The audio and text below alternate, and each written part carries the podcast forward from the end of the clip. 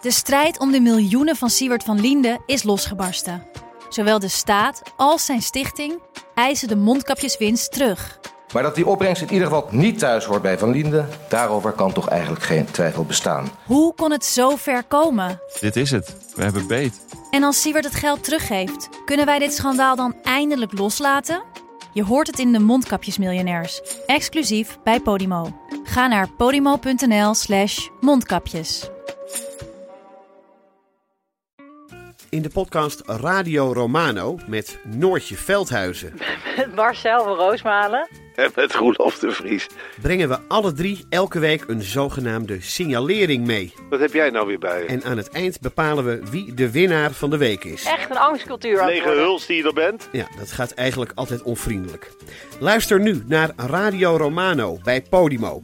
Via podimo.nl slash Radio Romano luister je 30 dagen gratis. Een van mijn eh, verre voorgangers als minister-president, Pieter Kort van der Linden, schreef ooit over de taak van de overheid. De staat dringt de overmoedigen terug, beschermt de zwakken, verdeelt de risico's en stelt zich in het haastige drang aan allen tot gids. Dat is een hoge norm. En het is duidelijk dat de overheid in het kinderopvangtoeslagdossier niet aan die norm heeft voldaan. De rechtsstaat moet burgers beschermen tegen een almachtige overheid. En dat is hier op een verschrikkelijke manier misgegaan. Dit is Betrouwbare Bronnen met Jaap Jansen.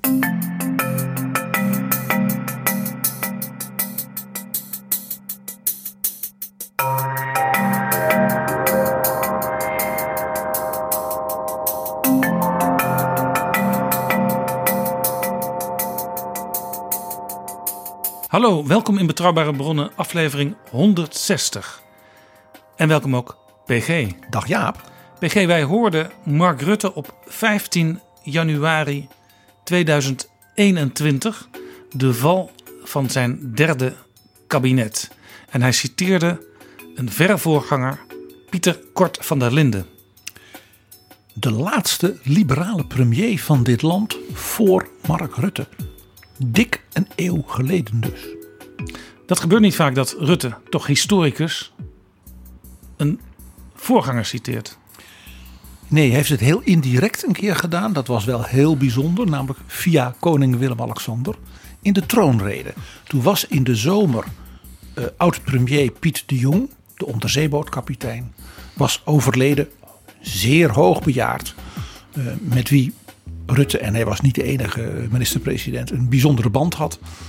En toen heeft hij, omdat hij in alle stilte was begraven, in de troonrede de koning toen Piet de Jong laten citeren over wat de opdracht van de regering is. En misschien is dat gelet op de val van het kabinet mooi om dat ook even te laten horen. De onlangs overleden oud-premier Pieter Jong, die de verstandige omgang met onrust en verandering bijna tot kunst wist te verheffen, sprak in zijn tijd regelmatig over de noodzaak van bestendige vooruitgang. Hij zei eens: Het is een taak van de regering uit te kijken naar wat de toekomst moet worden en zo tijdig als mogelijk is aanpassingen tot stand te brengen die nodig zijn om de kansen te grijpen die de toekomst biedt. Dat was Willem-Alexander. Nog even naar Pieter Kort van der Linden. Die zei dus: De staat dringt de overmoedigen terug, beschermt de zwakken, verdeelt de risico's en stelt zich in het haastig gedrang aan allen tot gids. En Rutte zei daarover: Dat is een hoge norm en het is duidelijk dat de overheid in het kinderopvangtoeslagdossier niet aan die norm heeft voldaan. Waarbij het interessante is dat de overheid bij deze norm tekortgeschoten is op twee punten. Allereerst natuurlijk bij het beschermen van de zwakken. Maar op nog een ander punt. Die terug te dringen overmoedigen waren de overheidsdienaren zelf. En misschien ook wel zelfs de bewindslieden. Die te makkelijk, te hard, te zonder enige, ook letterlijk hardheidsclausules, burgers in de narigheid hadden gebracht. Ja, en ook belangrijk: de overheid stelt zich tot gids aan allen in het haastig gedrang. Dus hier wilden ook bestuurders en hun ambtenaren uh, haastig dingen regelen. Nou, ik hoorde nog iets. Ik hoorde hier Kort van der Linden, die kritisch is op zijn liberale opvolger Rutte. Namelijk dat visie wel degelijk nodig is. Gids zijn in de dagelijkse beslommeringen en het gedoe. Ja, want om een andere uh, oud-premier te citeren, die weer de Bijbel citeerde, Joop den Uil. Waar visie ontbreekt, komt het volk om. Als er natuurlijk iemand zijn Bijbel kende, was dat de goede gereformeerde jongen Joop den Uil. En als we toch nog even blijven bij het moment zelf van afgelopen vrijdag PG. We zagen toch een, een, een soort van geregisseerde val van het kabinet, een geregisseerd aftreden. Daar had het kabinet natuurlijk ook wekenlang de tijd voor gehad.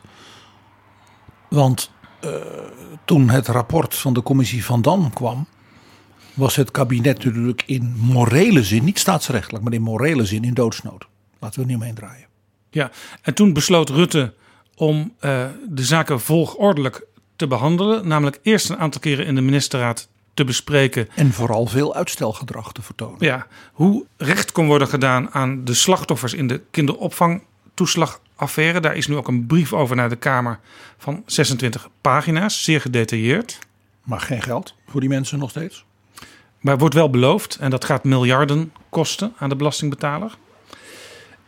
En uh, wat we natuurlijk ook uh, weten, dat de VVD, uh, Dijkhoff heeft daarover gezegd, ja, aftreden dat zou symbolisch zijn. Dus dat is eigenlijk een reden om het niet te doen. En Rutte was het daarmee eens. In de loop van de discussie in de coalitie tegenover de drie andere coalitiepartijen kwam te staan, die alle drie een redenering hadden waarom het dienstig zou kunnen zijn om wel af te treden. Ja, en over dat punt, die afweging en ook over de betekenis van het begrip symboliek, wil ik het later in dit gesprek toch nog even ook met jou hebben. Uh, ook vanuit, ik zal maar zeggen, het historisch perspectief. Want symbolen zijn natuurlijk altijd uitingen van historie, traditie, waarden, normen en zeden. En symbolen doen er wel degelijk toe. Laten we dat vaststellen. Dat, zullen, dat zullen we dan wel zien, ja. Jaap Jansen en Pieter Gerrit Kroeger duiken in de politieke geschiedenis. PG, het kabinet is gevallen. Hoe uitzonderlijk is deze val als we die betrekken in de gehele Nederlandse politieke geschiedenis? Ja, ik vind deze, deze val van het kabinet een uitzonderlijk fenomeen. En daar heb ik twee redenen voor. En als je het goed vindt, Jaap, wil ik ze samen die beide redenen met jou behandelen met per reden voorbeelden uit de politieke geschiedenis. De parlementaire geschiedenis en die van kabinetscrisis. Graag, PG. Dan beginnen we met het feit dat het heel uitzonderlijk is omdat in Nederland kabinetten niet vallen. Ze struikelen. Het wel overwogen terugtreden van een kabinet is iets zeer, zeer ongebruikelijks. En is zelden voorgekomen heeft dat misschien ook te maken met het feit dat we in Nederland altijd coalitiekabinetten hebben. En niet zoals bijvoorbeeld in het Verenigd Koninkrijk vaak een, een regering die uit één of misschien één partij plus nog uh, kleine hulp van een andere partij hebben. Nederland is in dat opzicht natuurlijk door zijn coalitiecultuur, mag ik ook zeggen door zijn poldercultuur van bemiddelen en dergelijke, anders dan heel veel andere landen. Daar heb je absoluut een punt. Kabinetten struikelen in Nederland dus over ongelukjes, soms ongrijpbare details en ik zeg het maar een beetje onaardig over flutdingen. Flutdingen, PG? Ja, je, je, begint te lachen, Jaap. Uh, toch wel de beroemdste kabinetscrisis in dat opzicht was natuurlijk de Jenevercrisis. De Jenevercrisis. We hebben het er zelfs een keer over gehad, Jaap. Bij de 140ste verjaardag van de ARP in Betrouwbare Bronnen. Je weet nog, de cultuur van die partij. Men dronk daar graag een goed glas, maar een klein glas. Korenwijn. Dan wel jenever. En er was spanning tussen de minister van Financiën van hun partij, Jelle Zijlstra, een zeer beroemd politicus. Toen al, heel jong, minister al. Van Financiën, van Economie, briljante vet. En die kreeg ruzie met zijn eigen partij in de Tweede Kamer. Want hij zei: ja, de woningnood is groot. Ja, we bouwen 100.000 woningen dit jaar, hè, in die tijd. We hebben het over begin jaren 60. Nog in de wederopbouwtijd. Maar nog weer 10.000 erbij. Dat is gewoon niet financierbaar, is onverantwoord. En het eerste tableau met glaasjes Genever ging naar de fractievergadering. En een tweede tableau kwam vanuit de rooksalon in de Tweede Kamer. Het oude gebouw. Naar de... En ze werden steeds moediger. De Amerikanen noemen dronkenschap niet voor niks Dutch courage. en dat leidde dus tot de val van het kabinet. De Genevercrisis. Dat werd de Genevercrisis genoemd, want de volgende ochtend met een harde kop dachten die antirevolutionaire, toch nuchtere politici meestal, hè, en met een scherp machtsinstinct. We hebben onze eigen meest briljante jonge minister voor gek gezet. Het hele kabinet ten val gebracht. En we krijgen die 10.000 extra woningen ook niet.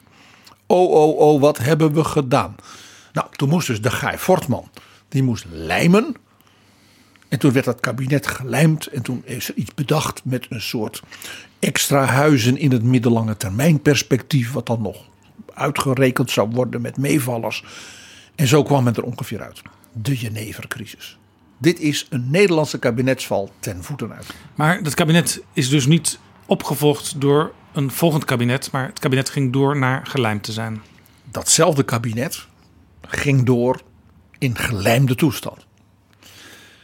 Nou ja, Jaap, we hebben natuurlijk uh, het kabinet Rutte 1 gehad. Dat viel over ruzie binnen de PVV in Limburg. Over een lunch van Beatrix met president Gül van Turkije. Laten we dat ook niet vergeten. In het kader van flut dingen waar een kabinet over valt. En dan hebben we natuurlijk een heel bijzondere kabinetsval gehad. Namelijk die in 1989 van het tweede kabinet Lubbers over 1 gulden en 65 per maand per automobilist. Weet je nog, Jaap? Ja, dat heette het reiskostenforfait. En ja, dat betekende dus dat de autorijder zou ietsje meer belasting moeten gaan betalen. Om milieumaatregelen in het kader van het Nationaal Milieubeleidsplan van VVD-minister Nijpels en van VVD-minister van Verkeer Nelly Smit-Kroes. Ja, die samen dus- dus... zeiden dat kan de automobilist best dragen, die 1,65 in de maand. En dan hebben wij ruimte om een heleboel milieubevorderlijke dingen te doen rondom het wegverkeer. Interessant, want eh, in die vorige, dat vorige voorbeeld, die Geneva-crisis, was het dus een kwestie die speelde binnen de antirevolutionaire partij. En dit was een kwestie die speelde binnen de Volkspartij voor Vrijheid en Democratie. En hier zien we dus een patroon. Het zijn flutdingen en het is heel vaak binnen een coalitiepartner waar gedoe is. En heel interessant, want jij liep toen al in Den Haag rond 1989. Ik ook. En we zagen eigenlijk de val van dat kabinet, zagen we journalistiek aankomen.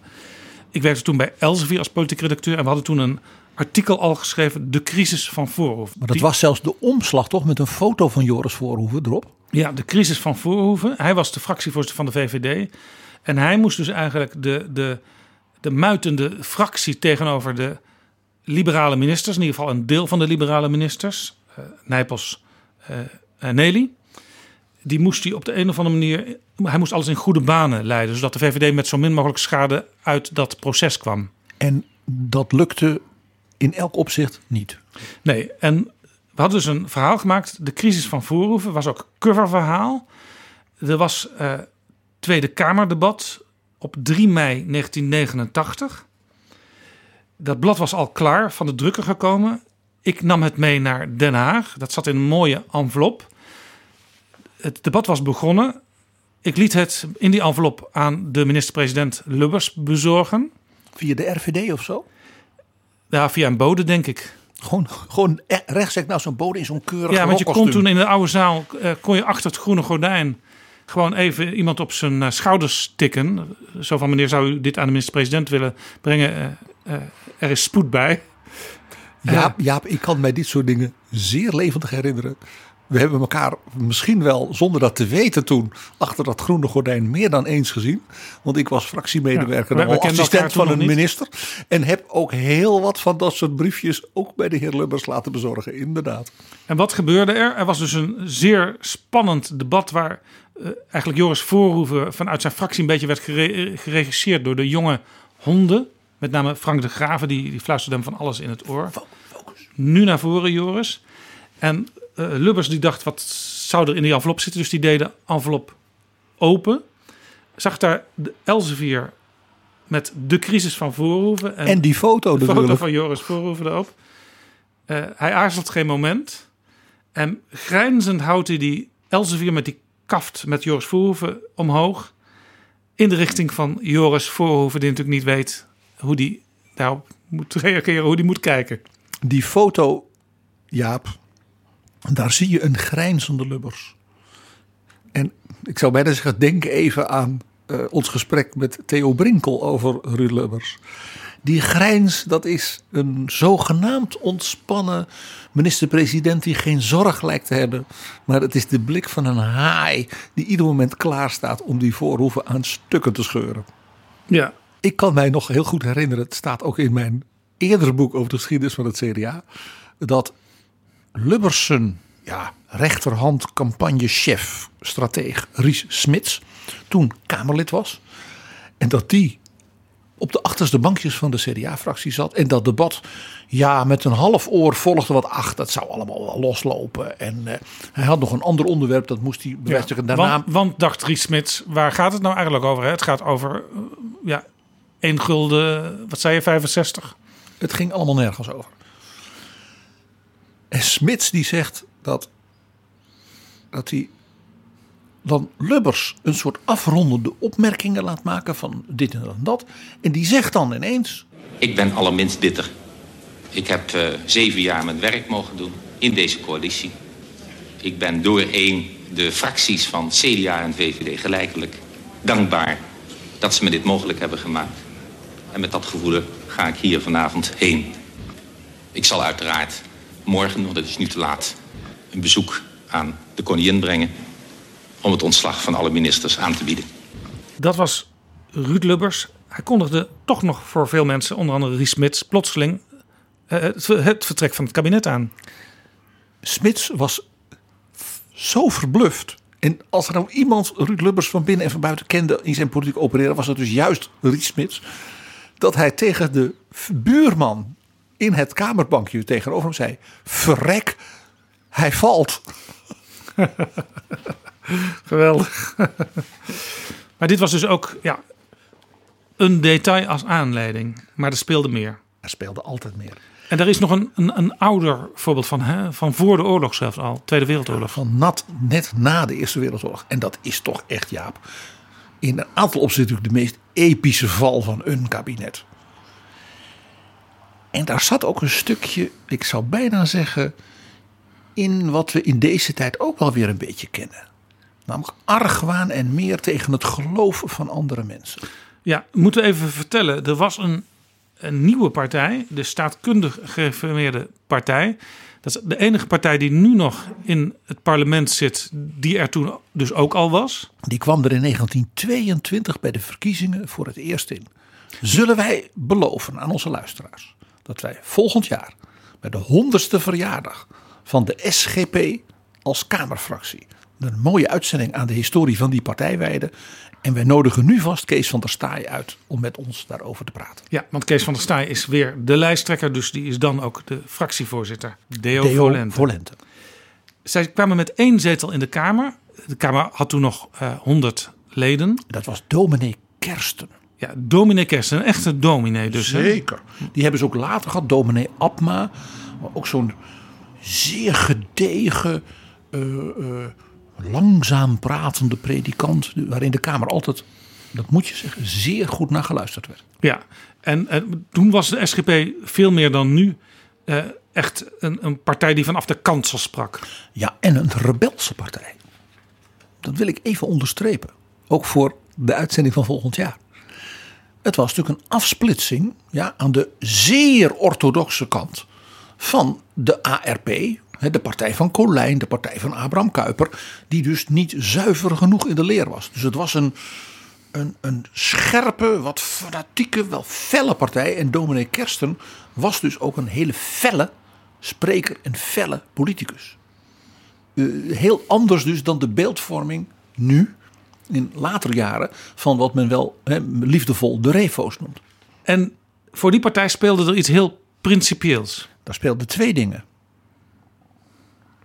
Op dat moment was aan het bewind in Den Haag het tweede kabinet Ruis de Berenbroek.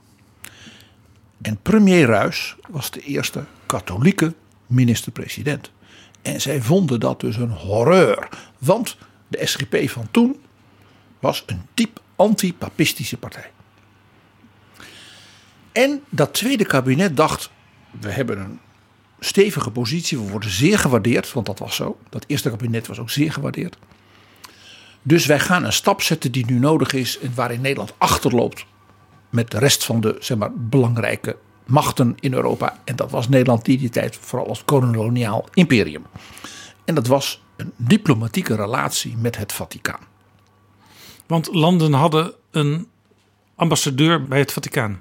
En dat was ook heel verstandig, want bijvoorbeeld in de Eerste Wereldoorlog had Paus Benedictus heel veel geprobeerd en goeds gedaan om tot wapenstilstand, tot vredesonderhandelingen en wat dan iets te brengen. Dus de rol van het Vaticaan was in die tijd, ook door die Eerste Wereldoorlog, versterkt als vredesinitiator. Ja, dus in feite, als, als je diplomatiek dacht, moest je daar pragmatisch mee omgaan. Maar voor de SGP speelde er iets principieels. Ja, en dus dubbel. Een katholieke premier die zijn machtspositie en waardering die hij krijgt, dus gebruikt om, oh hoe vreselijk, een Nederlandse ambassadeur aan het hof van de paus te laten benoemen.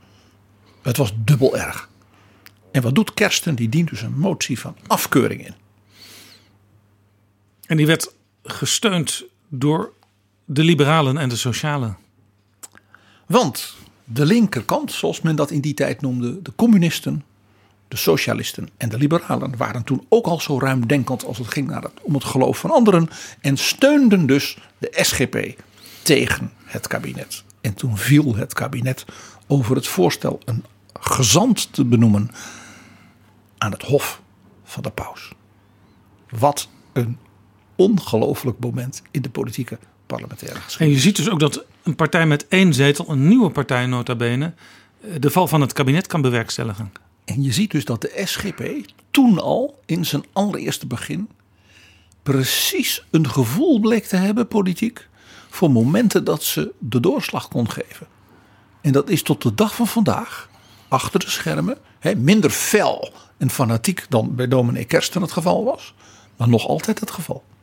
Ik zag In deze Tweede week, en in Eerste Kamer. ik zag deze week een eh, videoaflevering van eh, het SGP-nieuws. En dat is tegenwoordig is heel modern. Zij doen ook aan videoprogramma's. Een partij en een wereld waar men het kijken naar de televisie decennia als duivels heeft veroordeeld. Ja, maar dit is dus via de computer, niet via de televisie. Hoe dan mag het wel. Hoewel ik thuis al die dingen ook via televisie kan zien. Maar goed, eh, Menno de Bruyne die had een aantal voorbeelden van eh, kabinetscrisissen. Maar hij was zo verstandig om alleen de crisissen die hij zelf persoonlijk had meegemaakt. Dat zijn ongeveer dezelfde die wij hebben meegemaakt bij. En eh, deze bij, over het gezantschap bij de paus, die, die verzweegt hij.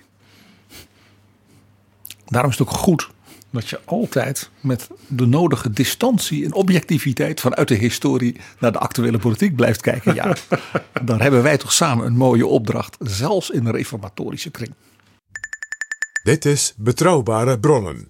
BG, jij noemde een aantal voorbeelden van ja, eigenlijk flutdingen die aanleiding waren voor de val van een kabinet. Wat ik dus noem, ze struikelen meer dan ze vallen. Ja. Eigenlijk, het hangt in de lucht. Er moet alleen nog een moment komen. Ja, dat lijkt dan zo, ja. Ja. Maar dat- zo gaat het toch niet altijd? Nee, nee, nee. Er zijn momenten dat kabinetten vielen en dus ook vallen. Dat het echt geen struikelen is, maar echt een, een, een groot principieel vraagstuk.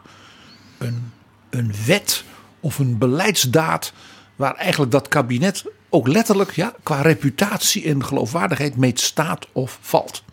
En als je niet staat, ja, dan val je. Mag ik eens een voorbeeld geven? Eh, het kabinet Marijnen viel in 1965 over de herziening van de omroepwet. Dat was natuurlijk met de komst van de televisie in die tijd. En ook met ja, de jaren 60, het begin van eh, eh, maatschappelijke veranderingen. Ja. Eh, En er was al. Veronica, er was het remeiland. Oh, die, die zeezenders van jou waren er toen al. Die waren er al. Oeh. Nou, in elk geval, die omroepen ja, moesten op een nieuwe manier worden ingericht. Er moest misschien ook wel ruimte komen voor andere omroepen. Eh, misschien ook wel andere levensbeschouwelijke. Dus niet alleen maar een kerkelijke omroep, maar bijvoorbeeld ook iets humanistisch. Nou, wat we nu ook hebben met de boeddhisten. En de zo. liberalen, eh, de VVD, eh, die waren eigenlijk principieel altijd meer voor een nationale omroep dan voor al die verzuilde omroepen. Dat speelde al vanaf de jaren twintig. En er speelde, net als in Duitsland in die periode, de jaren daarvoor, bij Adenauer, de gedachte van een commercieel netwerk van omroepen naast het publieke. Daar was dus de oude Adenauer Nederland weer voor geweest. Deze discussie speelde allemaal. Premier Marijnen liet dit geheel uit zijn handen vallen. Ja, en Marijnen was van... Van de Katholieke Volkspartij. En was premier geworden door een intrigue van eh, zeg maar eh, eh, onderkoning Louis Beel samen met koningin Juliana tegen de KVP-leiding, hoewel Beel zelf in die KVP-leiding zat. Dat is een verhaal op zich voor een andere keer. Ja. Dus Marijnen was al als premier begonnen met een merkwaardig soort aspect. En dat bleek geen sterke politicus. Hij was ook niet zo gezond. Hij was vaak ziek. Dat kabinet zakte dus door de hoeven. Ook omdat de Katholieke Volkspartij, mede onder invloed van het Vaticaans Concilie en de opening in de katholieke kerk, ja, moderner wilde, eigentijdser en de VVD van toen als uiterst conservatief en alleen maar op de penning en eigenlijk heel ouderwets gewoon voor de KVP geen aantrekkelijke partner meer. Heel interessant, we zien dus net als eh, in eh, vorig aantal voorbeelden dat er in de Katholieke Volkspartij zelf eh, ja, tegenstellingen ontstonden en dat het daardoor uiteindelijk misliep. Inderdaad. En die hadden niet eens zozeer met dat omroepbeleid te maken, die tegenstellingen. Niets met het omroepbeleid te maken. Dat is zo interessant. Een ander ja, mooi voorbeeld ook van de val van een kabinet over echt iets heel, nou zeg maar over het raison d'être van dat kabinet, is natuurlijk het banenplan van Joop den Uyl, vicepremier, superminister van Sociale Zaken en Werkgelegenheid in het kabinet van 8-2. Ja, van 8-2, van 8 Den Uyl Terlouw voor de volledigheid. Dat precies 40 jaar geleden uh, uh, aantrad. En dat om heel veel redenen een van de belangrijkste kabinetten van na de Tweede Wereldoorlog was. Hoewel het maar een paar maanden zat. Daar gaan we het vast een keer over hebben Ja, binnenkort. moeten we het een keer apart over hebben. Ook al natuurlijk om de, we mogen toch zeggen, epische en kleurrijke figuren die erin zaten. Als Ja. van acht. Ja, en hier speelde dus onder andere... Jos van Kemenade, over wie we ja, onlangs keer, hadden. hier speelde dus dat banenplan, maar Den Uyl en de Partij van de Arbeid konden het ook niet verkroppen dat zij moesten dienen onder Dries van Acht, waar ze nou juist eh, ja, komaf mee wilden maken. En Dries van Acht vond het ook zelf een beetje raar dat hij met Den Uyl samen moest, die met zijn partij hem zo bestreden had. Ja. Dat maakte het dus heel merkwaardig. De PvdA-ministers vonden bovendien dat dat regeerakkoord en de samenwerking met het CDA eigenlijk bevrijdend was. We weten dat van Jos van Kemenade. En dat Den Uyl de zaak voortdurend eigenlijk aan het verstoren was. En kapot aan het maken was. En maar tegen die Den van Acht zat te schet- schetteren. Terwijl ze zeggen, geef nou onze premier, hij is ook onze premier hè, in deze ministerraad, de ruimte zijn werk te doen. Ja, dus het ging dus tussen partijen, maar het ging ook binnen één partij, namelijk de Partij van de Arbeid, waar Den Uyl de draai naar een nieuwe tijd niet kon maken. En de PvdA-ministers eigenlijk wilden dat hij aftrad. Dus er was ook weer een crisis binnen dit geval de Partij van de Arbeid. En binnen het beleid van het totale kabinet. En dat ging natuurlijk over zijn banenplan en de bestrijding van de enorme economische financiële crisis van dat moment. Nederland was toen Griekenland. Ja, dan even een ander voorbeeld, eh, PG, wat de laatste dagen ook veel is aangehaald in vergelijking met eh, het aftreden van eh, het, kab- het kabinet Rutte 3.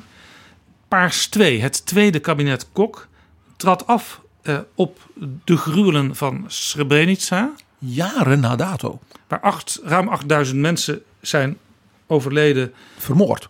Vermoord. Genocide kun je ook Mannen, zeggen. jongens, pubers, kinderen. Verschrikkelijk. Eh, onder het oog van de Nederlandse militairen. die voor de VN een vredesmissie probeerde te doen en volledig in de klem kwamen te zitten. Dat gebeurde allemaal in juli 1995. En zeven jaar later viel het kabinet. Ja. Dus vele jaren later was ook een reden voor. Er was een rapport verschenen uh, van het NIOD. En dat is waarom nu verschillende waarnemers zeggen: Oh, de val van Rutte 3 lijkt op de val van Kok 2. Want uh, een kritisch rapport dat. Uh, een zeer zware zaak. Zeer zware zaak. Hè, waar grote, ja, ook menselijke nood en verschrikkingen zich hebben voorgedaan. En waarbij dus de ministers, de ambtelijke apparaten, in dit geval ook het Nederlandse leger, nou niet bepaald met veel eer Bosnië vertrokken. Ja, dat, dat, dat, dat, dat, in die zin klopt dat ook. Maar er speelde, klopt ook niet. Er speelde, op de achtergrond speelde meer. Het klopt ook niet. Want dat rapport was toch vooral een soort historische evaluatie. En het was bij dit rapport één minister, namelijk uh, Jan Pronk. Die uh, ook in de media buiten het kabinet om uh, ja, er een enorm punt van maakte.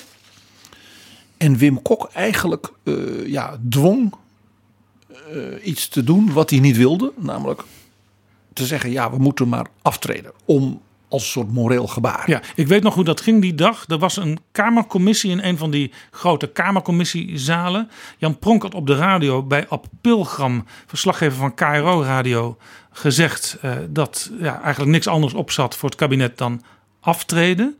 Toen ging hij die vergadering in. Die vergadering die duurde nou wel vijf, zes uur. Ondertussen werd ja, kreeg hij allerlei briefjes tijdens die vergadering. Dat kon je gewoon zien als je daar op de tribune zat. En ik zat daar waar eigenlijk Wim Kok zei van kom onmiddellijk naar het torentje. Maar ja goed, hij zat in een vergadering dus hij, kon niet naar het torentje. Vond hij, er moesten ook nog 80 moties uh, worden besproken geloof ik.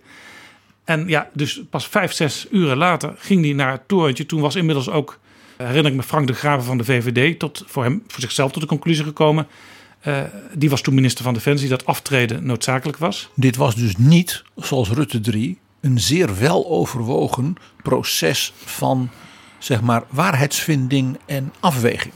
Het was een beetje een zootje. Ja. Van individuele ministers die de premier in een onmogelijke situatie ja. brachten. En de premier besloot toen dat, het, ja, dat er eigenlijk toen niks anders op zat, maar dat besloot hij pas op dat moment. En daar speelde natuurlijk nog iets, namelijk het was vlak voor de verkiezingen van 2002, waarin Wim Kok als premier, dat gold ook voor Jan Pronk, natuurlijk ontzet waren over de gebeurtenissen. Over de volledige collapse van hun lijsttrekker Ad Melkert. De opkomst van Fortuin. En zulke dingen als een plotseling optredende diepe economische crisis. De instorting van de internetbubbel. De dotcom-crisis. Mede als gevolg natuurlijk van 9-11 en uh, de terreurdreiging, waardoor allerlei uh, ja, economische ja. tegenvallers, zullen en we het zeggen. gebeurde 29 dagen voor de verkiezingen. Precies. Dus in dat opzicht zeg ik, de waarnemers die nu roepen dat heeft een vergelijking met de val van Rutte 3, dan zeg ik, dan kennen ze hun historie onvoldoende. Nee, en vaak is het natuurlijk zo dat in de parlementaire geschiedenis iets lijkt altijd wel op iets anders, maar het heeft toch vaak een heel eigen karakter. Dat blijkt hier nou maar. En daarvoor is ook deze podcast Betrouwbare Bronnen. Mag ik nog één voorbeeld noemen dat ook zo'n voorbeeld is van een kabinet dat valt over iets uitermate principieels. Dat als het ware in het hart van het beleid tot grote controversies leidde. En de zaak als het ware daardoor niet meer te houden was. En dat is de val van het tweede kabinet Balkenende over het feit dat VVD-minister Rita Verdonk meldde dat VVD-Kamerlid Ayaan Hirsi Ali had gelogen bij haar zeg maar, inburgering als vluchteling uit Somalië. Ja, en toen kwam dus aan de orde, dat was overigens het kabinet van uh, CDA, VVD en D66. Toen kwam aan de orde dat uh, Ayaan misschien ook wel uh, onterecht tot Kamerlid was benoemd. Omdat ze het Nederlanderschap dus op valse voorwenselen had gekregen. Al dus de VVD-minister voor asiel en integratie. We zien hier dus opnieuw, net als wat anders met de KVP om de omroep, zogenaamd om de omroep. En Jan Pronk ten opzichte van Wim Kok binnen de Partij van de Arbeid. En bij Joop den Uyl en de PvdA. Dat het dus binnen een coalitiepartner is. dat het gedoe niet meer te handhaven is. En te, de greep erop. Want de VVD-leider van dat moment. Ja, wie was dat eigenlijk? Mark Rutte of Rita Verdonk zelf? Dit was in die periode dat er de strijd in de VVD tussen Rutte en Verdonk een rol speelde. En Verdonk zich dus letterlijk en figuurlijk breed maakte als stoere politieke leider die dus asielzoekers die liegen wel eens flink zou aanpakken. Zelfs als het collega Ayaan was. Ja, en al die VVD'ers die ergerden zich, maar ook dat is bijna een aflevering apart waard, ergerden zich kapot aan ja, het gedrag van, van Rita Verdonk. En voor D66 was het reden om uit het kabinet te stappen. Waarbij D66 ook zelf op dat moment in een totale chaos Ja, verkeerde en een leiderschapscrisis. complete verdeeldheid. Dus die vonden het wel fijn dat ze de schuld konden afschuiten op de VVD. Verdonk. Ja. En Balkenende zat erbij en keek ernaar. Ik heb in mijn boek Tand destijds daar eh, zeer eh, in, zeg maar, interessante details ook nog over kunnen onthullen. Nou, wat je hier dus ziet, is dat ook als een kabinet in Nederland valt over iets groot en principieels. Dat als het ware de aard en zeg maar, het raison d'être van zo'n kabinet in hoge mate bepaalt. Dat het toch altijd weer anders is dan je denkt. En hier zien we een belangrijk punt, wat je zowel bij die flutdingen als die grote dingen ziet. De aanleiding van een valk aan een kabinet is zelden de reden.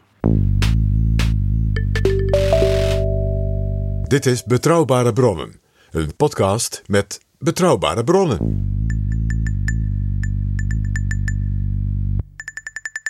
PG, en als we dan nu echt gaan kijken naar de val van Rutte 3. Wat speelt daar? Nou, daar speelt. Ten eerste, in die zin klopt het wel een beetje met het tweede Paarse kabinet van Kok. Dat de verkiezingen al zo dichtbij zijn.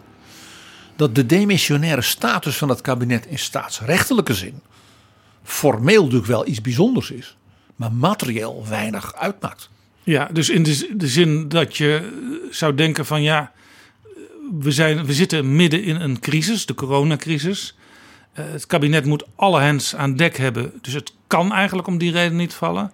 Ja, praktisch gezien eh, is dat ook weer niet zo'n groot punt, want het kabinet zou eh, over acht weken toch al demissionair worden. Dat en een kabinet ook in demissionaire zin heeft gewoon de opdracht om te doen wat nodig is in het landsbelang.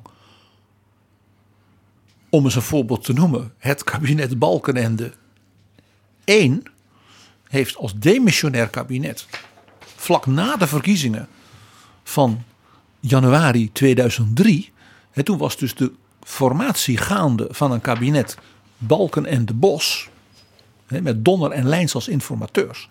En toen besloot dat kabinet en vooral minister De Hoop Scheffer van Buitenlandse Zaken en de premier Balkenende, dat zij in politieke zin binnen de NATO president Bush zouden steunen bij een inval in Irak. Niet in militaire zin, maar men zou diplomatiek, als het ware de president, daarin steunen. Anders dan bijvoorbeeld de Bondsrepubliek deed, anders dan Frankrijk deed, maar in lijn met de Britten, dus Tony Blair, en bijvoorbeeld de Iberische premiers als Aznar en José Manuel Barroso van Portugal. Dus een kabinet kan en moet zelfs, als de nood aan de man is en er grote vraagstukken spelen, ook als demissionair kabinet ingrepen doen. Het kabinet Rutte 1 heeft meteen na zijn val een nieuw akkoord gesloten over de begroting met GroenLinks, met D66, met de Reformatorische Partij, het zogenaamde Kunduz-akkoord, waarbij zeer diep werd ingegrepen in de begroting. En in feite een compleet nieuw regeerakkoord werd doorgevoerd in een week. Ja, en waarmee dus ook meteen een Kamermeerderheid verzekerd was. Er wordt ook altijd als een kabinet demissionair is een lijst gemaakt van wat dan heet controversiële onderwerpen. Dat zijn dan onderwerpen die in feite doorschuiven voor behandeling als er een nieuw kabinet is. Maar dat is vooral, dat betreft vooral wetgeving. Ja, en die lijst die kan overigens ook altijd weer aangepast worden. Natuurlijk, en heel veel dingen weet je niet op het moment dat je die lijst maakt. Wat het kabinet niet kan doen, is als het ware bijvoorbeeld een enorme belangrijke wet. Ik noem eens wat een wijziging van de omroepwet, zoals premier Marijnen van plan was. Dat kan dus niet. Maar noodwetgeving, Natuurlijk kan een kabinet, als dat nodig is, dat wel degelijk doen. Dus het idee dat bijvoorbeeld in het kader van corona het kabinet nou van alles niet zou kunnen doen, onzin. Er is bovendien zelfs al vastgelegd met een hele actuele wet dat alles wat het kabinet aan ingrepen, echte ingrepen doet met corona, rond corona, met de Kamer wordt afgesproken. Dus er is geen sprake van dat een demissionair kabinet Rutte 3 ineens niks zou kunnen doen. Nee, dit was voorafgaand aan de val van het kabinet Rutte 3 wel een punt van twijfel bij de minister-president zelf. Maar we zullen dat ook kunnen interpreteren mogelijk als politieke twijfel. Uh, die twijfel was in elk geval zowel in de parlementaire historie als in het staatsrecht op niets gebaseerd. Jaap, ik ga iets heel gek zeggen.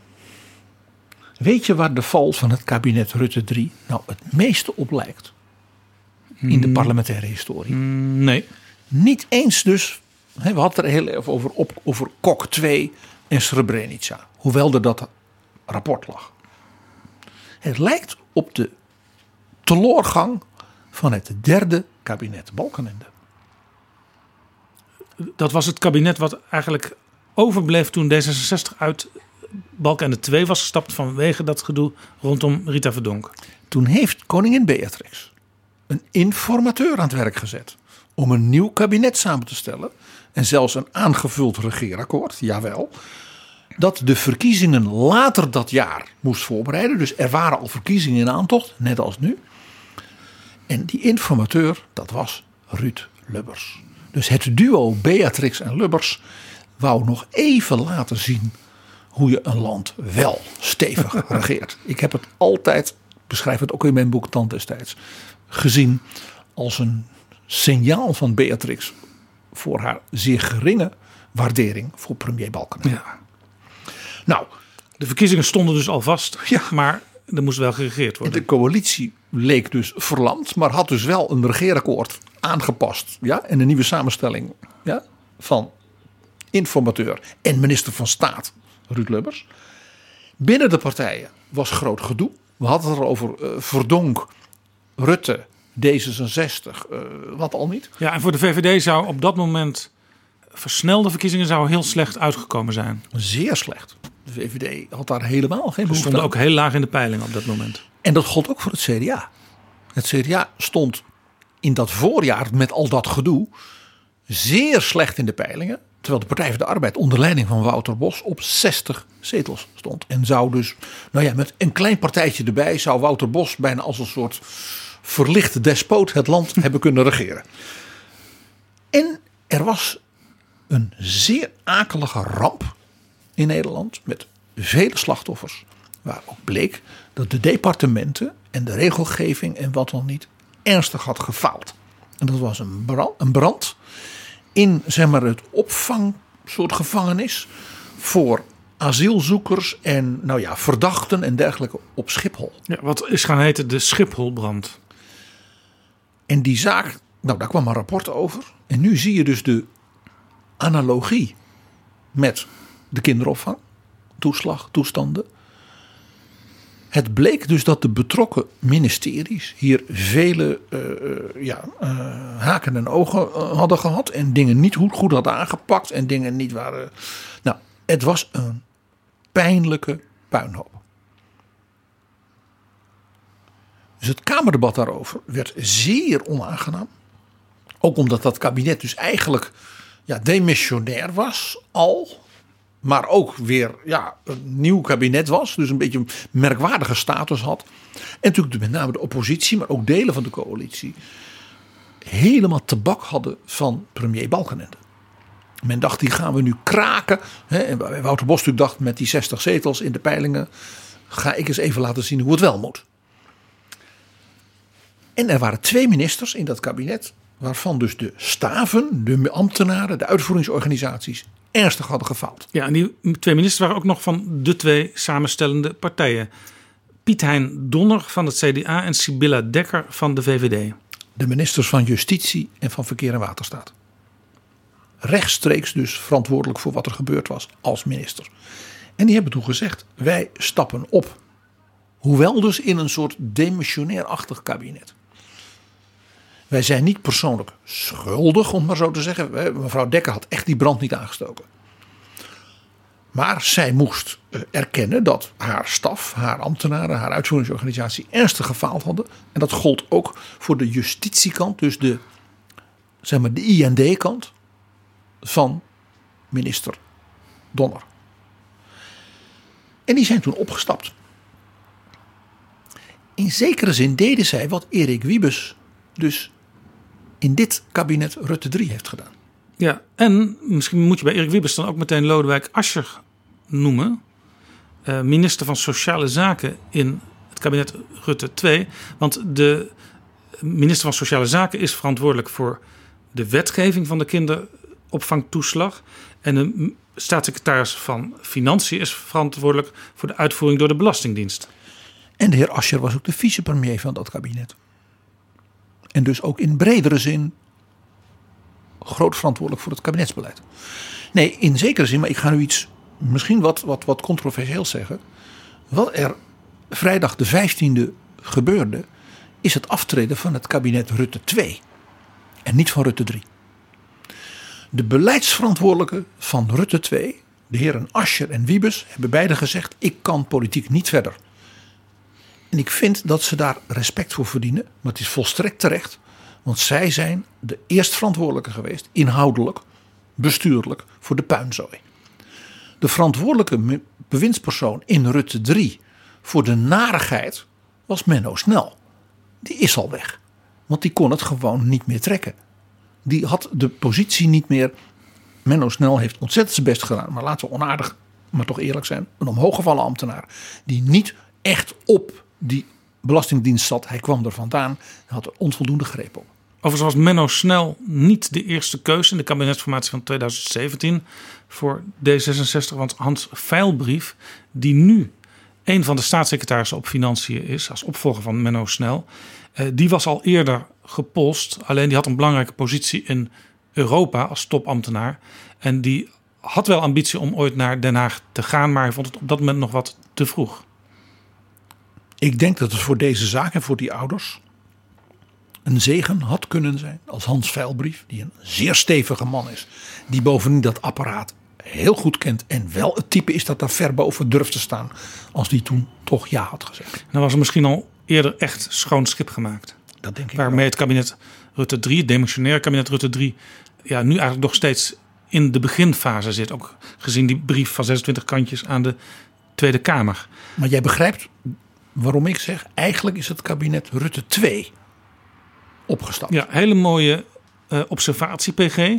Maar toch nog even, uh, staatsrechtelijk is het natuurlijk altijd wel eh, de zittende minister, het zittende kabinet dat verantwoordelijk is voor de daden van eerdere bewindslieden in eerdere kabinetten.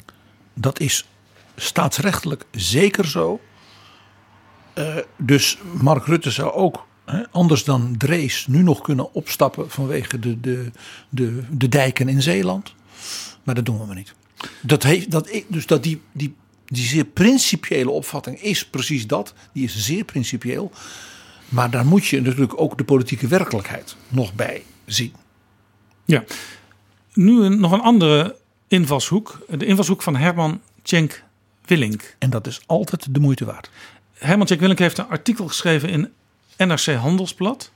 Waarin hij uh, wijst op de verantwoordelijkheid van de Tweede Kamer. En hij vindt eigenlijk dat de Tweede Kamer een beetje buiten beeld blijft. En wat hem betreft te veel buiten beeld blijft in deze affaire. En hij verwijt bepaalde Kamerleden.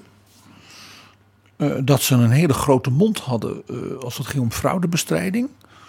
En nu een hele grote mond hebben om de onmenselijkheid van de aanpak van die ouders door de Belastingdienst. En toen dacht ik, volgens mij bedoelt hij heer Pieter Omtzigt. Ja, dus overigens, de redenering is vergelijkbaar met de redenering die ook in het verhaal van Jesse Frederik zat, van de correspondent, die in Betrouwbare Bronnen te gast is geweest. En die schrijft een boek en daar had Cenk Willink in de voorbereiding al een soort positieve tekst bij uh, geschreven. Van uh, interessante invalshoek hier, dat boek van Jesse Frederik. Dus dat artikel dat komt niet uit de lucht vallen? Zeker niet. Nou was er één ding in dat verhaal van Cenk Willink. En ik zeg het maar ronduit. Ja, daar ben ik het volstrekt niet mee eens. En hij zegt: Ach ja, het aftreden van zo'n kabinet over zoiets. Zo'n kabinet moet gewoon aanpakken. Hè? Wat men wel zegt, niet aftreden, maar optreden. En zegt vlak voor de verkiezingen weggaan. Ja, dat is toch vooral een beetje symboliek. Ja. Cenk Willink maakte daarbij van het begrip politieke symboliek iets wegwerperigs.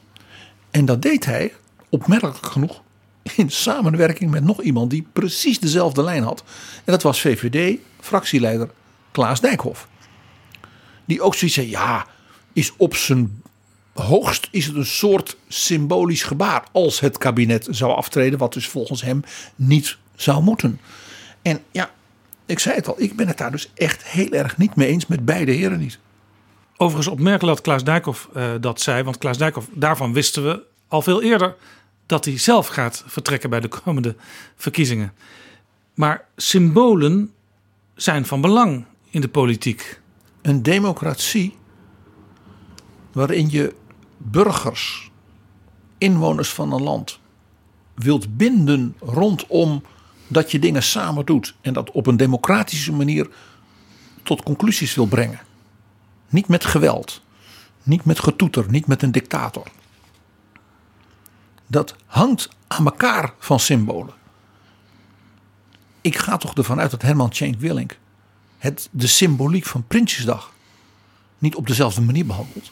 Of de symboliek van zijn vroegere baan dat hij onderkoning was met de Raad van State. Ja, vicevoorzitter. En ook trouwens, hij is ook Eerste Kamervoorzitter geweest. Nou, dat staat ook vol symboliek, die Eerste Kamer. En adviseur. Het hele bestaan ervan is volgens sommigen symboliek. En belangrijk adviseur van uh, minister-president Den Uyl. En van de majesteit. En dat heeft hij over, zo weten wij allemaal, met grote ja, zorgvuldigheid en wijsheid veelal gedaan. Ja, met andere dus woorden. Ik vind, ik vind het, dus roepen het is symboliek. Nou, ik vond het, je hoort, het, Ja. je hoort me bijna stotteren. Als historicus zeg ik, symboliek is essentieel voor een democratisch staatsbestel. Ja. Hier rijdt dus volgens jou Cenk Willink een scheve schaats. Een kabinet dat zegt, dit is zo fout gegaan. Voor zoveel duizenden mensen. Wij als de formele chefs van dat staatsapparaat willen daarmee laten zien dat wij vinden dat het staatsapparaat hier naar zijn burgers heeft gefaald. In de zin ook van de woorden van eh, De minister-president. de minister-president Aan het begin van deze aflevering. met zijn citaat van Kort van der Linden. Nou, als dat symbolisch handelen is, dan zeg ik dat is dus grote wijsheid. En dat kabinet, hè, waarvan ik zeg eigenlijk is het het kabinet Rutte 2 dat aftreedt. Want dat Ja. was echt politiek verantwoordelijk. Dat kabinet verdient in dat opzicht dus waardering voor de bereidheid tot deze symbolische vernedering. Laten we naar nog één citaat van Rutte luisteren. Op alle niveaus, door het hele politiek, bestuurlijk, juridische systeem, zijn fouten gemaakt die ertoe hebben geleid dat duizenden ouders groot onrecht is aangedaan. Maar de politieke verantwoordelijkheid ligt uiteindelijk bij het zittende kabinet en nergens anders. Dat was Rutte die de betekenis van ook het symbolische wel degelijk ziet. Het doet mij dus deugd, maar dan stop ik erover, Jaap, dat de historicus Mark Rutte, dat bleek al uit zijn citaat meteen aan het begin, dit dus wel voelt. Nou ben ik misschien wat onaardig over eh, toch een voortreffelijk man als Cenk Willink, maar ik wil dan ook op een ander punt hem met grote kracht bijvallen in datzelfde artikel. Oh, toch? Zeker. Hij maakt in dat stuk een zeer verfijnd onderscheid. En terecht. Wat in de discussies vaak door elkaar wordt gehaald en verward. Namelijk het vertrouwen dat bijvoorbeeld een parlement en ook misschien wel de samenleving aan een kabinet geeft. Ook aan een premier, maar ook aan de ministers in zijn kabinet. En het feit dat er sprake is van de ministeriële verantwoordelijkheid. Men gooit die dingen vaak door elkaar. En dat is heel onverstandig. Want het feit dat een minister verantwoordelijk is voor bijvoorbeeld dat apparaat, hoeft niet te betekenen dat als een ambtenaar in dat apparaat een fout zou maken, of zelfs een hele ernstige fout, of een hele serie ernstige fouten, dat die minister geen vertrouwen meer verdient. Per definitie. En ik heb daar een heel interessant voorbeeld uit eigen beleving van. Waarin ik zeg, hier, hier ziet Tjenk Willink iets heel goed. Dat je dat moet onderscheiden. En dat is geweest in 1987, 88. Met minister Wim Deetman van Onderwijs en Wetenschappen. En de enorme puinzooi, laat ik er geen ander woord voor gebruiken. Bij de invoering van de wet van de studiefinanciering. Die wet die zou worden ingevoerd in oktober 1986. En nou, het eerste half jaar leek het nog wel goed te gaan en daarna ging alles fout. Het bleek dat er in de ambtelijke voorbereiding, in dat opzicht doet het dus een beetje denken aan het hele gedoe met de Belastingdienst, men volstrekt niet ja, de zaak goed had, klaar had gedaan. Mensen konden niet op vakantie, eh, er werden allemaal brieven niet. Alles ging mis. De minister kreeg begrijpelijk zware kritiek. Nou, ik hoef jou niet uit te leggen dat studenten, universiteiten, hogescholen, dat zijn goed gebekte mensen. Malievelden vol. Hè, van Poelgeest, de studentenvakbond. Het was feest. Voor die studenten was het natuurlijk hartstikke ellendig. Maar voor de minister natuurlijk ook, want zijn apparaat, dat in Groningen, had er gewoon een puinbak van gemaakt. En je bent als minister verantwoordelijk. De minister heeft een commissie aan het werk gezet van experts onder leiding van de heer De Hart. Met daarin ook een aantal hoogleraren op dit terrein en bestuurders. En die kwamen met een, de man had een goede naam, De Hart, een zeer hard rapport. Met 22 aanbevelingen die de minister moest doen. En die betekende een volstrekte sanering van zijn ministerie. En nou ja, hij kreeg dus een hoop krassen, zoals uh, Mark Rutte dat noemt. En toen heeft Deetman de Kamer een brief gestuurd. Met zo ga ik die 22 uh, aanbevelingen uitvoeren. Dat betekent die en die en die zeer harde ingrepen. Dat betekent dat ik u over twee weken of over een maand een aangepaste wetgeving voor die studiebeurzen ga geven. Hij nam dus het rapport over. Hij nam het rapport in grote lijnen over. De term was grosso modo. En toen zei hij tegen de Kamer: Hier heeft u dus het totale pakket. Als u dus vindt dat dat goed is dat het rapport wordt uitgevoerd, dan gaat dat gebeuren. Als u als Kamer vindt dat ik als minister zoveel krassen heb opgelopen, dat ik niet meer de geloofwaardigheid heb, dus het vertrouwen van u, dat ik degene ben die dit moet uitvoeren, dan hoor ik dat graag van u. Hij legde dus zijn eigen lot in handen van de Tweede Kamer. Ja, dus ik ga sowieso optreden. En als u vindt dat dat moet, zal ik ook aftreden. Dan zou dus een andere minister, waarschijnlijk ook van het CDA, zou dan hebben moeten doen wat dus de commissie de Hart en die grosso modo brief voorlegde.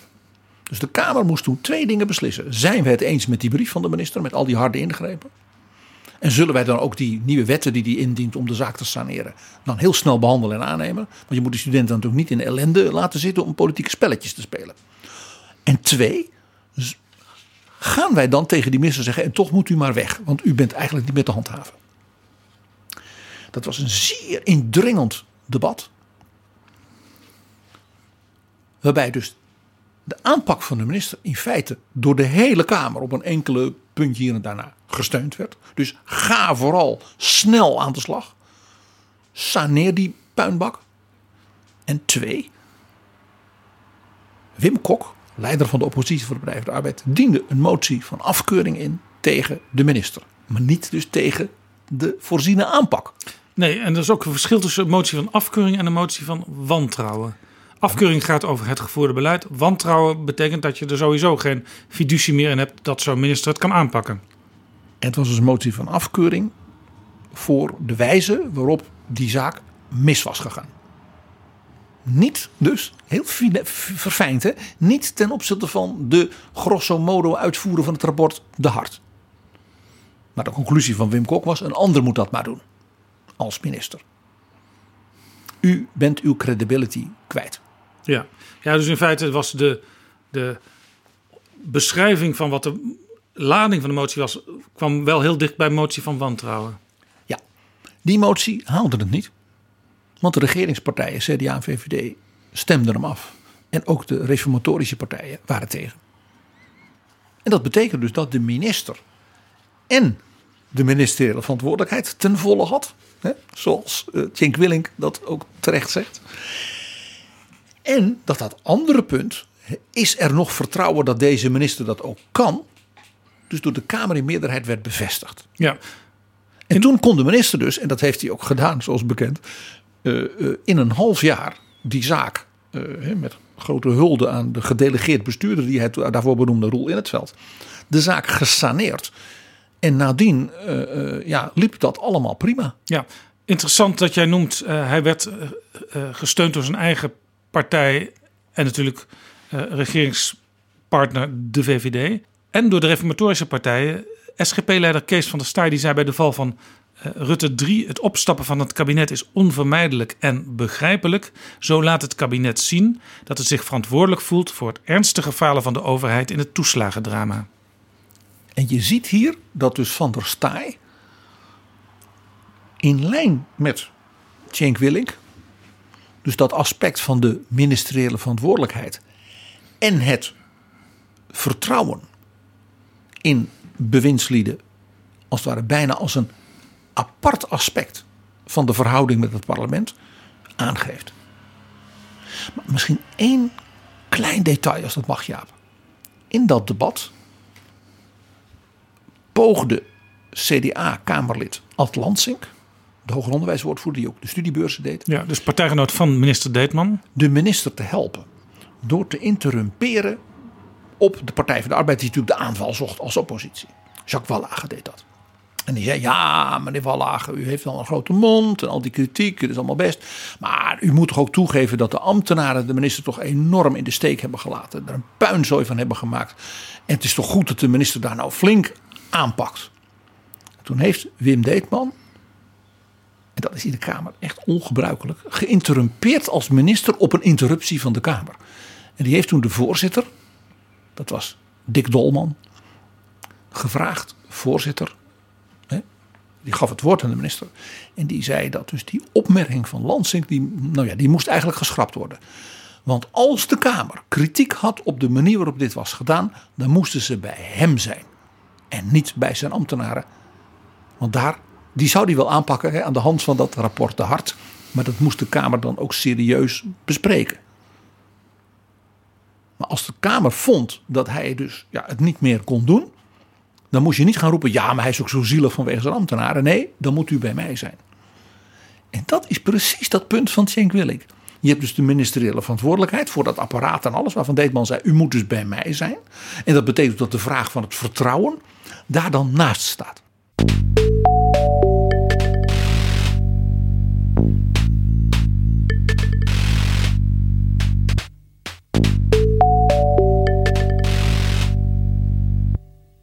PG Rutte 3 is afgetreden over een ja, zware kwestie.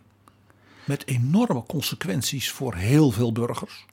Er zijn in de politieke geschiedenis natuurlijk wel vaker zware kwesties geweest die niet tot het aftreden van kabinetten leiden. Ja, het contrast tussen zeg maar, deze stap van het kabinet Rutte 3 en dat van andere kabinetten is best opvallend.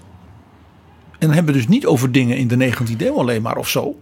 Nee, ik heb het over vrij recente dingen. En ook wel grote dingen uit ons verleden. Ja, laten we naar, naar Wereldoorlog 2 kijken. Die periode. Ja, nou dan begin ik al 1953. De, de, de watersnoodramp in Zeeland. Ja, het kabinet Drees is toen niet opgestapt. En laten we er niet omheen. Waarom had het kabinet Drees uh, kunnen opstappen? Wat, was, wat zou een goede reden zijn geweest? Nou, de dijken in Zeeland waren decennia verwaarloosd. In de crisisjaren in de oorlogsjaren, dat kun je Drees niet verwijten. Uh, maar in de naoorlogse jaren was natuurlijk een deel van die dijken weer herbouwd. Ja, want er waren ook, er waren ook bombardementen geweest. Er is de beroemde slag om de Schelde om Antwerpen vrij te krijgen voor, het, voor de geallieerde legers. En juist in de Nederlanden is het water altijd belangrijk, ook als uh, verdedigingslinie. Hè? Dus was dat een enorm iets ook voor de geallieerde uh, opperbevelhebbers zoals als Eisenhower. Um, ja, om te besluiten, uh, ja, we moeten die Schelde vrij krijgen. En ja, dat gaat betekenen dat we dus die arme zeeuwen uh, ja, in het verderf moeten storten. Er was niet alleen een hongerwinter op dat moment, maar dus ook nog dat alle dijken kapot waren Ja. van walgeren en zo. En je kunt dus Drees wel eh, kwalijk nemen dat toen die ramp in 53 kwam, eh, ja, hij de, de periode sinds 1946 eigenlijk niet gebruikt had om die dijken eh, te verstevigen en te verbeteren. En die waren dus al zeg maar sinds nou ja, de, de grote watersnoodramp van 1916 was daar niet al te veel gebeurd. En dan kun je zeggen, ja, wederopbouwen, Nederland moest sober. Dat is allemaal waar. Maar je zou ook kunnen, hebben, kunnen zeggen, ja, dit, dit, dat, dat, het kabinet had toen mm, ja, iets kunnen doen wat Rutte nu gedaan heeft. Het ging wel om duizenden slachtoffers. Ja, een tweede voorbeeld. We hebben het al even op een andere manier aan de orde gehad, eh Jaap. Srebrenica. Ja, daarover trad dus het tweede kabinet Kok af in 2002. Vlak voor de verkiezingen. Maar in die zomer van 1995 zijn ze gewoon blijven zitten. Sterker nog, men heeft kroonprins Willem-Alexander toen ook nog naar eh, die soldaten gehaald om een soort feestje met ze te vieren. Ik heb dat altijd uh, verschrikkelijk. Eh, minister van Mierlo van Buitenlandse Zaken, eh, in wiens dat ja, be- bewindsgebied dat lag met de VN en alles, is ook gewoon blijven zitten. Ja, ja. Dus in die tijd was er altijd meer eh, Joris Voorhoeven van, van Defensie, van de VVD, eh, die in beeld aan deze zaak kleefde. Ja. Wat op zich opmerkelijk is, want het besluit is in eerste instantie politiek dat je meedoet en dat gaat via buitenlandse zaken. En de premier als het gaat om de NAVO, de EU-leiders en dergelijke. Voorhoeven is in dat opzicht een, een soort Een uitvoerder. politi- politiek slachtoffer geweest. Maar laat ik eens een heel ander voorbeeld geven. Ik vond het opmerkelijk, eh, ook in het licht van de geschiedenis van mijn eigen partij, het CDA, dat Jan-Peter Balkenende en zijn kabinet aanbleven toen het referendum over het ontwerp van de Europese grondwet in 2005 ertoe leidde dat de Nederlanders zeiden: dat willen wij niet. Ik bedoel, als je als kabinet over zoiets een referendum uitschrijft, over het belangrijkste verdrag van, zeg maar, na het sluiten in 1949 van het NATO-verdrag en in 57 het verdrag van Rome, want dat was het. En je doet zoiets als een referendum, wat ook nog volstrekt in strijd is met onze grondwet. En dan zegt de bevolking, nou daar hebben we geen zin in. Dan zou je toch ook kunnen zeggen, ja, als pro-Europees kabinet dat dit op tafel heeft gelegd, zou je ook kunnen aftreden. Ja, en het was ook een, een, een, een duidelijke meerderheid met een hoge opkomst die zei: wij willen deze grondwet niet. Het was iets van, wat was het, 62% tegen. Eh, De opkomsten kun je over discussiëren. Men had die toch echt zelf gewild. En de campagnelijn van dat kabinet, de argumenten die men naar buiten had gebracht, waren buitengewoon eh, zwak, eh, niet overtuigend. De premier heeft geen toespraak gehouden tot het land van dit is de toekomst van ons land en Europa. We hebben hem niet gehoord. PG, ik herinner mij nog uit mijn eerste jaren in eh, de politieke journalistiek een hele belangrijke eh, enquête, de RSV-enquête over het Rijn-Schelde-Verolme conglomeraat. Dat waren scheepsbouwers, gebaseerd op een fusie van allerlei eh, kleinere bedrijven. En de scheepsbouw is natuurlijk voor Nederland, waterland, Nederland, land van de, de wereldzeeën, altijd belangrijk geweest. Alleen het ging niet- Vooral ook symbolisch. het ging niet meer zo goed. Dus die industrie die werd gesteund door kabinetten. Ja, dat, dat was natuurlijk voor de hele Rijnmond. Dan heb je het echt Sliedrecht, Dordrecht, dus eh, eh, maar alles richting Rotterdam en die enorme haven. En dat was een gigantische maakindustrie, zoals men dat nu noemt. Ja. En Nederland was, had daar natuurlijk evenlang natuurlijk een, ja, een rol. Ja. Grote bedrijven. En in die periode, de jaren, zeg maar, tweede helft jaren 60, jaren 70, kwamen nieuwe industriële machten op. En dan noem ik met name Zuid-Korea. Eh, ook wel Japan. Eh, waar men en technologisch en qua kosten en qua snelheid en eh, kwaliteit de Europese scheepsbouw aan alle kanten voorbij ging. Ja, en het beeld was, eh, er wordt maar geld in eh, gestort en het, het helpt niet, want het wordt geen gezonde sector meer. Ze konden die schepen gewoon niet verkopen.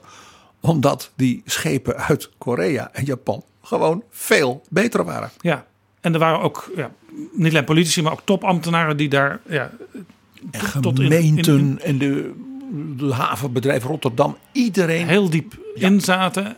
Eh, en ook allerlei eh, bijkomende bedrijven eh, die er weer gebruik of zelfs misbruik van maakten. Er was op een gegeven moment een Amerikaans bedrijf dat erbij betrokken was. Dat heette MM Wops. En toen werd er gevraagd wat betekent die afkorting. Dat gebeurde in het verhoor.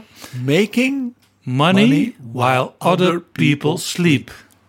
MM Wops. Het doet mij een beetje denken aan dat bedrijfje van meneer Wieberen van Haga. Maar dit terzijde. Shopper de Pop. Maar dat was dus een hele zware zaak. En het kabinet Lubbers was toen aan eh, de macht. Met als minister van Economische Zaken Gijs van Ardenne van de VVD. En die was ook de vicepremier van de VVD. Dat was dus een beetje wat de Lodewijk Asscher in deze zaak was die we nu hebben. Ja, en daar gebeurde iets heel ja, rommeligs eigenlijk. Eh, de VVD-leden van de commissie, de enquêtecommissie, die hadden contact met fractievoorzitter Ed Nijpels over wat er mogelijk te gebeuren stond. Dat is natuurlijk iets wat, wat absoluut niet mag. Dat je gewoon intern je fractievoorzitter op de hoogte gaat stellen van mogelijke conclusies. Dit was een vorm van liberaal monisme van wel heel bijzondere aard. En wat dacht de VVD? Wij gaan onze Gijs van Ardenne niet laten vallen. Want die was dus niet alleen de vicepremier en minister op het terrein waar het om ging, industriebeleid, eh, in dat kabinet Lubbers 1. Maar hij was ook de minister in kabinetten daarvoor geweest. In de tijd van grote economische crisis, dat die bedrijven wegvielen, dat dus grote werkloosheid dreigde. Allemaal waar. Maar dat industriebeleid, inclusief laat zeggen, de, de miljarden die toch een beetje verspeeld waren, was ook wel een beetje zijn ding geweest. Ja. En nou nog pikanter, zijn voorganger als minister van Economische Zaken, die als het ware het begin deed van dus dat industriebeleid met het steunen daarvan. In het kabinet van- Uyl. In het kabinet Den Uyl. En dus met name in die Rijnmond met de Rotterdamse scheepsbouw en wat dan niet. Was de zoon van een groot Rotterdams scheepsbouwbedrijf. Ja, wat overigens niet bij het RSV-conglomeraat maar betrokken het was. was wel diezelfde sfeer. En dat was het bedrijf Hollandia Kloos. En hoe heette de familie daar, die daar de baas van was? De familie Lubbers. Ja. Dus Ruud Lubbers was dus niet alleen de premier. Maar ook een voorganger minister van Economische Zaken. En iemand die ja, tot in zijn vezels, als mens ook, in die Rotterdamse scheepsbouwwereld zat. Ja, dus Pikant. Lubbers verantwoordelijk, van Ardenne verantwoordelijk, ook dus allebei persoonlijk voor het beleid. En dus premier en vicepremier op het moment van die enquête dat die naar buiten kwam. Dus het had best wel voor de hand gelegen dat hier de ultieme consequentie aan verbonden was, namelijk aftreden. Ik geloof dat jij je ook heel goed kan herinneren een, een van de vele verrukkelijke anekdotes en verhalen van Max van Wezel over wat er toen gebeurde. Ja, Ja, ik herinner me een artikel in Vrij Nederland, waar Max toen natuurlijk voor schreef, dat er werd gezegd, ja, we hebben altijd gezegd tegen Van Ardenne, Gijs, we staan om je heen. En er werd er vervolgens aan toegevoegd, en dat betekende dus dat we niet zeiden, Gijs, we staan achter je. Of zoals Max al zei, ze stonden allemaal zo om hem heen om te voorkomen dat hij wegholde dan wel omviel. Nou, wat je hier ziet uit deze echt ingrijpende dingen. De Zeeuwse eilanden, Srebrenica, Europa, de scheepsbouw. Dat het dus helemaal niet zoiets is wat sommige mensen wel beweren. Dat het een traditie is, misschien zelfs wel een soort staatsrechtelijke plicht. Dat een kabinet zou moeten opstappen omdat er zoiets gebeurt. Of dat de Kamer een kabinet dan zou moeten verplichten naar huis te gaan of iets dergelijks. Er is op dat punt in Nederland dus helemaal geen grote traditie.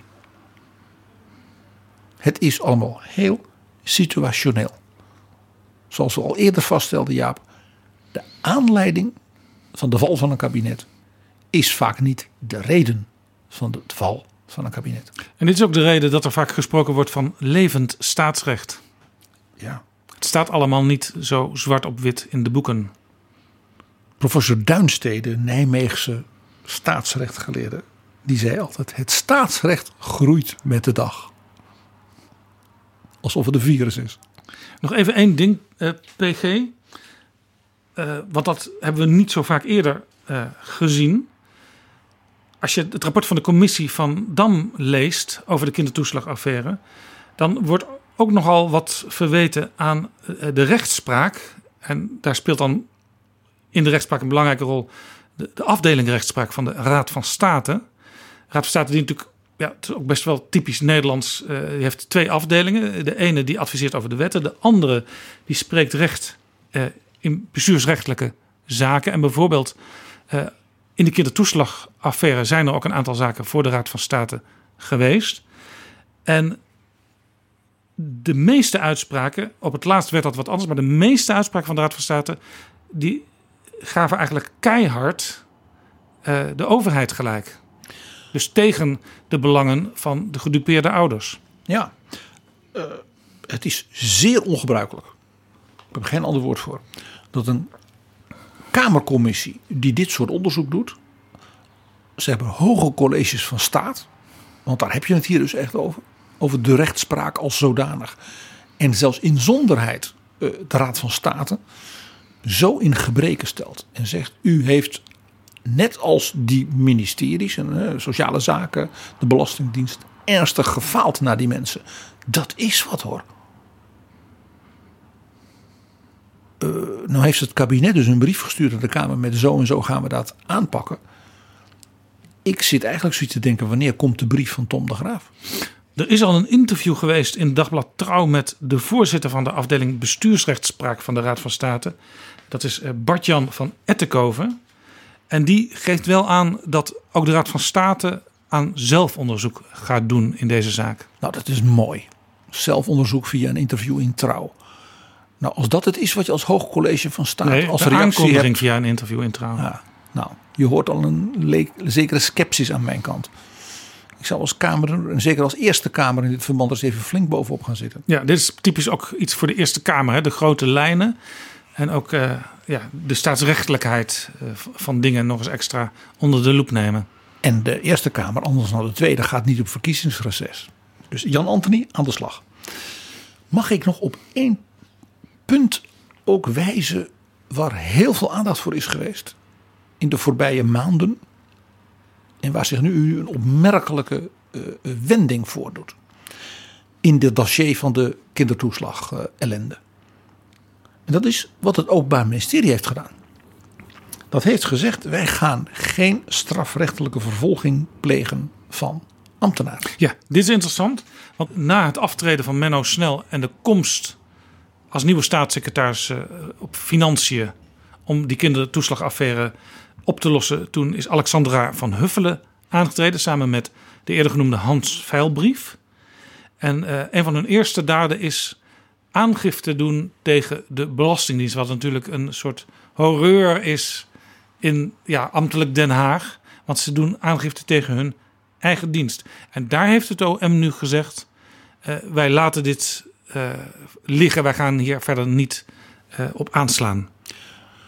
Nou ja, het OM zegt dat heel keurig, maar in feite zegt het OM: er is geen enkele grondslag geweest voor mevrouw van Huffelen om dit te doen.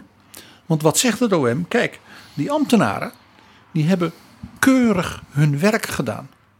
Want zowel de Kamer als het kabinet droegen hen op die harde sanctiebeleid en activiteiten uit te voeren. En de rechters, we hadden het er net over, hebben dat allemaal voortdurend goedgekeurd. Wie zouden die ambtenaren zijn? Dat ze zouden zeggen: ja, er komt ooit misschien wel een rapport Chris van Dam. En daarom ga ik niet doen wat de rechter mij opdraagt, wat, de, wat mijn baas, de staatssecretaris, mij opdraagt. En wat de Kamer, mijn baas, de staatssecretaris, opdraagt. Ik vond dat het OM op dit punt, ja, vlijmscherp. In de zin van zowel hard naar die eis van uh, strafrechtelijke vervolging. als vlijmscherp in de zin van hoe zijn de politieke gezagsverhoudingen in dit land heeft geopereerd. Ja, toch één klein puntje hierbij, PG. Uh, het, het, klopt feitelijk allemaal uh, wat je zegt. Dat is belangrijk. Maar je, kunt ook, je zou het ook nog kunnen redeneren dat uh, ambtenaren misschien niet of te weinig aan de bel hebben getrokken intern toen ze zagen dat er hier iets gruwelijks mis aan het lopen was. Jaap, jij en ik waren daar niet bij. Dus ik ben voorzichtig. Maar de indruk is inderdaad, denk ik, gewettigd. Dat binnen die apparaten een, soort uh, van zelfsprekendheid was. Ingeslopen zonder heel veel kritische terugkoppelingsmechanismen. Ja. Want wat, je, wat we ook hebben genoteerd is dat binnen die apparaten en ook door bewindslieden, bijvoorbeeld over mensen als Renske Leijten en zeker Pieter Omtzigt, in buitengewoon misprijzende en afkeurende taal werd gesproken. Terwijl zij beiden uh, uh, in deze zaak natuurlijk uh, alleen maar lof voor Ja. hun moed Ja. en hun volharding verdienen. Er is zelfs een moment geweest dat deze Kamerleden ja, bijna een soort spreekverbod dreigden te krijgen van hun collega-Kamerleden. In een commissievergadering was dat. Eh, ja, de mensen die daarbij betrokken waren moeten zich wel heel erg schamen nu. En dat zijn dus geen bewindslieden, dat zijn Kamerleden van andere fracties dan, mag ik het nu even gewoon een keer zeggen, de SP en het CDA. Die fracties verdienen hier hulde. PG, blijft het hier nu bij? We hebben de brief van het demissionaire kabinet over de aanpak, eh, verdere aanpak van deze kwestie. Er komen verkiezingen, er komt een kabinetsformatie. In het regeerakkoord zal, neem ik aan, ook het een en ander staan over ja, de crisis in de rechtsstaat die hier eh, is vertoond. En waar, behalve de kindertoeslagaffaire, misschien nog wel hele andere dingen ook eh, aan het licht kunnen komen als je verder gaat zoeken en graven. Is dit het? Ja, op dit moment wel, Jaap. Ik zou, maar dat is heel persoonlijk hoor. eh, in de komende periode en ook voor het komend regeerakkoord twee zeg maar, ongevraagde adviezen willen meegeven. Eén, maak subiet een eind aan de onhelderheden die men ook wel noemt de Rutte-doctrine. Ik ga nu geen opmerkingen maken of verwijten aan de heer Rutte of anderen. Ik moet even uitleggen. eh, er is sprake van een Rutte-doctrine. Eh, dat bleek tijdens een verhoor van de, van de commissie. Eh, toen werd er gezegd, ja, de minister-president, en dat noemen wij intern ook wel de Rutte-doctrine, die eh, drukt ons steeds op het hart. eh, schrijf niet te veel op. Dus zoveel mogelijk mondeling overleg. Want dan kan het ook niet gewopt worden. Dus de wet openbaarheid bestuur. Dan kunnen journalisten het ook later niet op, op een schriftelijke manier te weten komen. Eh dan kan ook de Kamer ons nooit verwijten dat we ze niet hebben ingelicht. Want er staat niks op papier. En bij de Rutte-doctrine hoort ook ja, een zeer eh, enge, nauwe interpretatie van die wet openbaarheid bestuur. Dus geef zo min mogelijk aan journalisten als ze erom vragen. Ja, dat is richting de journalisten. Jaap, dat is jouw vak ook. Ik redeneer toch even richting de ambtelijke diensten waar het hier eigenlijk om gaat. En het parlement. Dat is dat de minister-president onder Ede bij Van Dam en de zijnen heeft gezegd: kijk, dat soort stukken in het voorbereidingsproces. Dat zijn eh, stukken met een eh, zeg maar, interne stukken, noemde hij dat. Met een persoonlijke opvatting van ambtenaren. En die moet je niet naar buiten brengen. En mij viel op dat die commissie toen niet aan de minister-president heeft gevraagd: wat is uw definitie van interne stukken? Want dat is een, een, ja, een duiding die volgens mij nergens in de wet staat. En ook En er, die. is ook, er zijn ook heel veel soorten stukken natuurlijk. En heel veel soorten overleg intern. En zo is dat. En dat is maar goed ook. En er zijn tegenwoordig ook eh, appjes en mails en allerlei andere vormen van communicatie. Ja, ik ga gewoon een ondeugende vraag stellen, Jaap. Is de cloud wobabel?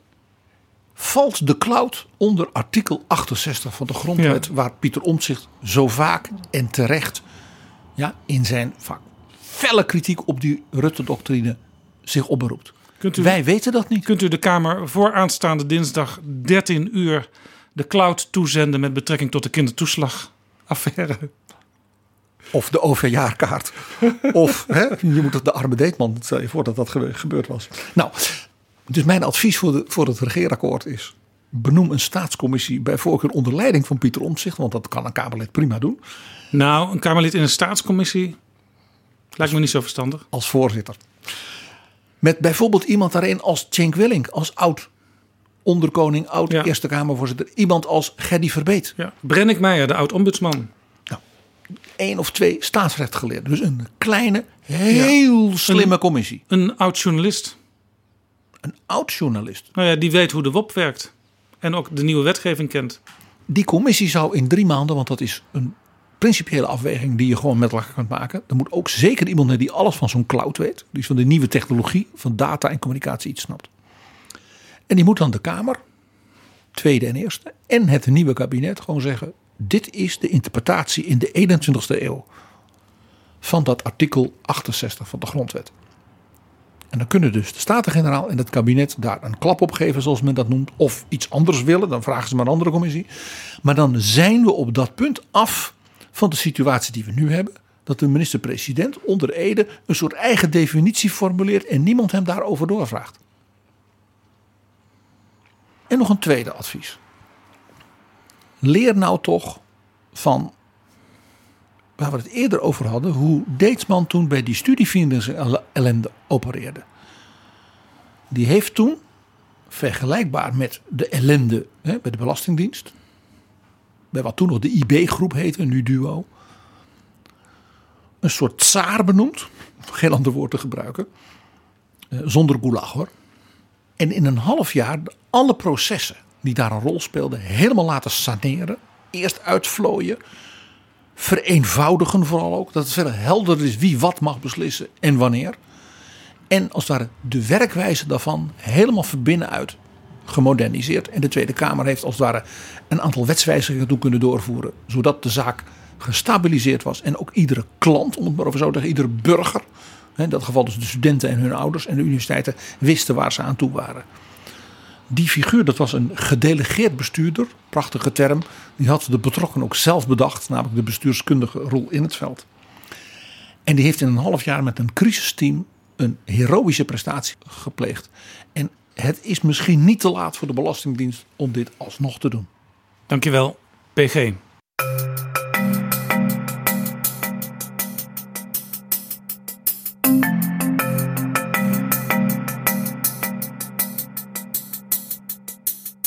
Zo, dit was Betrouwbare Bronnen aflevering 160. Deze aflevering is mede mogelijk gemaakt door de vrienden van de show. Mensen die een bedrag, klein of groot, hebben gedoneerd via de site Vriend van de Show. In dit kader wil ik speciaal welkom heten de nieuwe vrienden Roel, Bob, Frank en Insuka. Jaap, een mens kan nooit genoeg vrienden krijgen. Zoals je weet. Dat is een mooie PG. Dat behoort tot het goud van het leven, de vriendschap. Ja. Dus dank jullie wel, nieuwe vrienden van de show. En wat ons betreft, tot de volgende keer.